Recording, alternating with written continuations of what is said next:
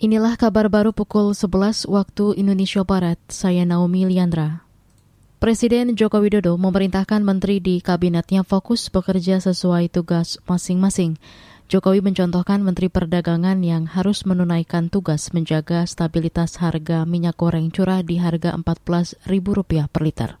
Ya saya minta semua menteri fokus bekerja. Kalau menteri perdagangan ya urus yang paling penting seperti yang saya tugaskan kemarin, bagaimana menurunkan uh, harga minyak goreng berada di 14.000 atau di bawah 14.000. Paling penting itu, tugas dari saya itu. Jadi pasar-pasar adalah dalam rangka mengecek, saya pun juga sama ke pasar mencek minyak goreng utamanya ini yang kita cek itu minyak curah loh ya. Jangan sekali-kali lari ke minyak kemasan yang apa yang premium Presiden Jokowi menambahkan dari sejumlah pasar yang dikunjunginya harga minyak goreng curah telah ada di kisaran harga yang diinginkan. Kepala negara juga memerintahkan jajarannya untuk menyelesaikan harga minyak goreng di luar Pulau Jawa.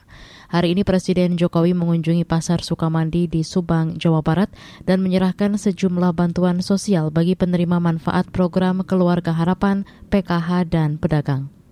Kementerian Kesehatan siap melakukan screening kesehatan berlapis kepada jamaah haji sekembalinya dari Tanah Suci. Pelaksana tugas Sekretaris Ditjen Pencegahan dan Pengendalian Penyakit Kementerian Kesehatan Yudi Pramono menyebut screening akan dilakukan sejak dari bandara, asrama hingga kembali ke rumah masing-masing. Saat ini posko tim kesehatan di bandara sudah siap mengantisipasi bila ada kejadian darurat yang dialami jemaah haji termasuk jika terinfeksi COVID-19. Jadi mereka melakukan screening secara keseluruhan mulai pemeriksaan suhu, kemudian pemeriksaan eh, gejala-gejala uh, lainnya. Dan apabila ini nanti uh, ditemukan, maka akan dilakukan pemeriksaan lanjutan baik ini antigen atau PCR. Apabila nanti hasilnya reaktif untuk antigen, ini dilakukan isolasi ya. Isolasi apabila ringan, tidak ada gejala ringan, ini bisa dilakukan isolasi terpusat apabila berat, sedang berat, ini akan dirujuk ke rumah sakit uh, yang sudah ditetapkan.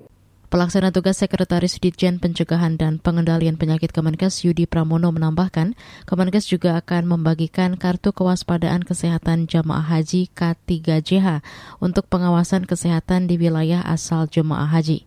Kartu ini kata dia untuk keperluan screening karena berisi data-data jemaah yang mengalami keluhan kesehatan dan membutuhkan layanan kesehatan lanjutan. Saudara, hampir 5.000 warga di Ambon, Maluku menghadapi banjir dan ancaman tanah longsor. Kepala Badan Penanggulangan Bencana Daerah BPBD Ambon, Demi Pais, mengatakan hujan deras yang mengguyur sejak pertengahan Juni hingga kemarin menyebabkan banjir dan longsor. Sedikitnya 20 area terdampak banjir dan 150-an titik longsor. Sementara banjir mengakibatkan 830-an rumah tergenang 79 rumah rusak dan 97 rumah terancam terkena longsoran tanah. Banjir juga menyebabkan area rumah sakit Otokwik tergenang dan longsor berdampak pada tiga bangunan sekolah dasar. BPBD juga melaporkan dua warga meninggal dan lima terluka akibat bencana ini.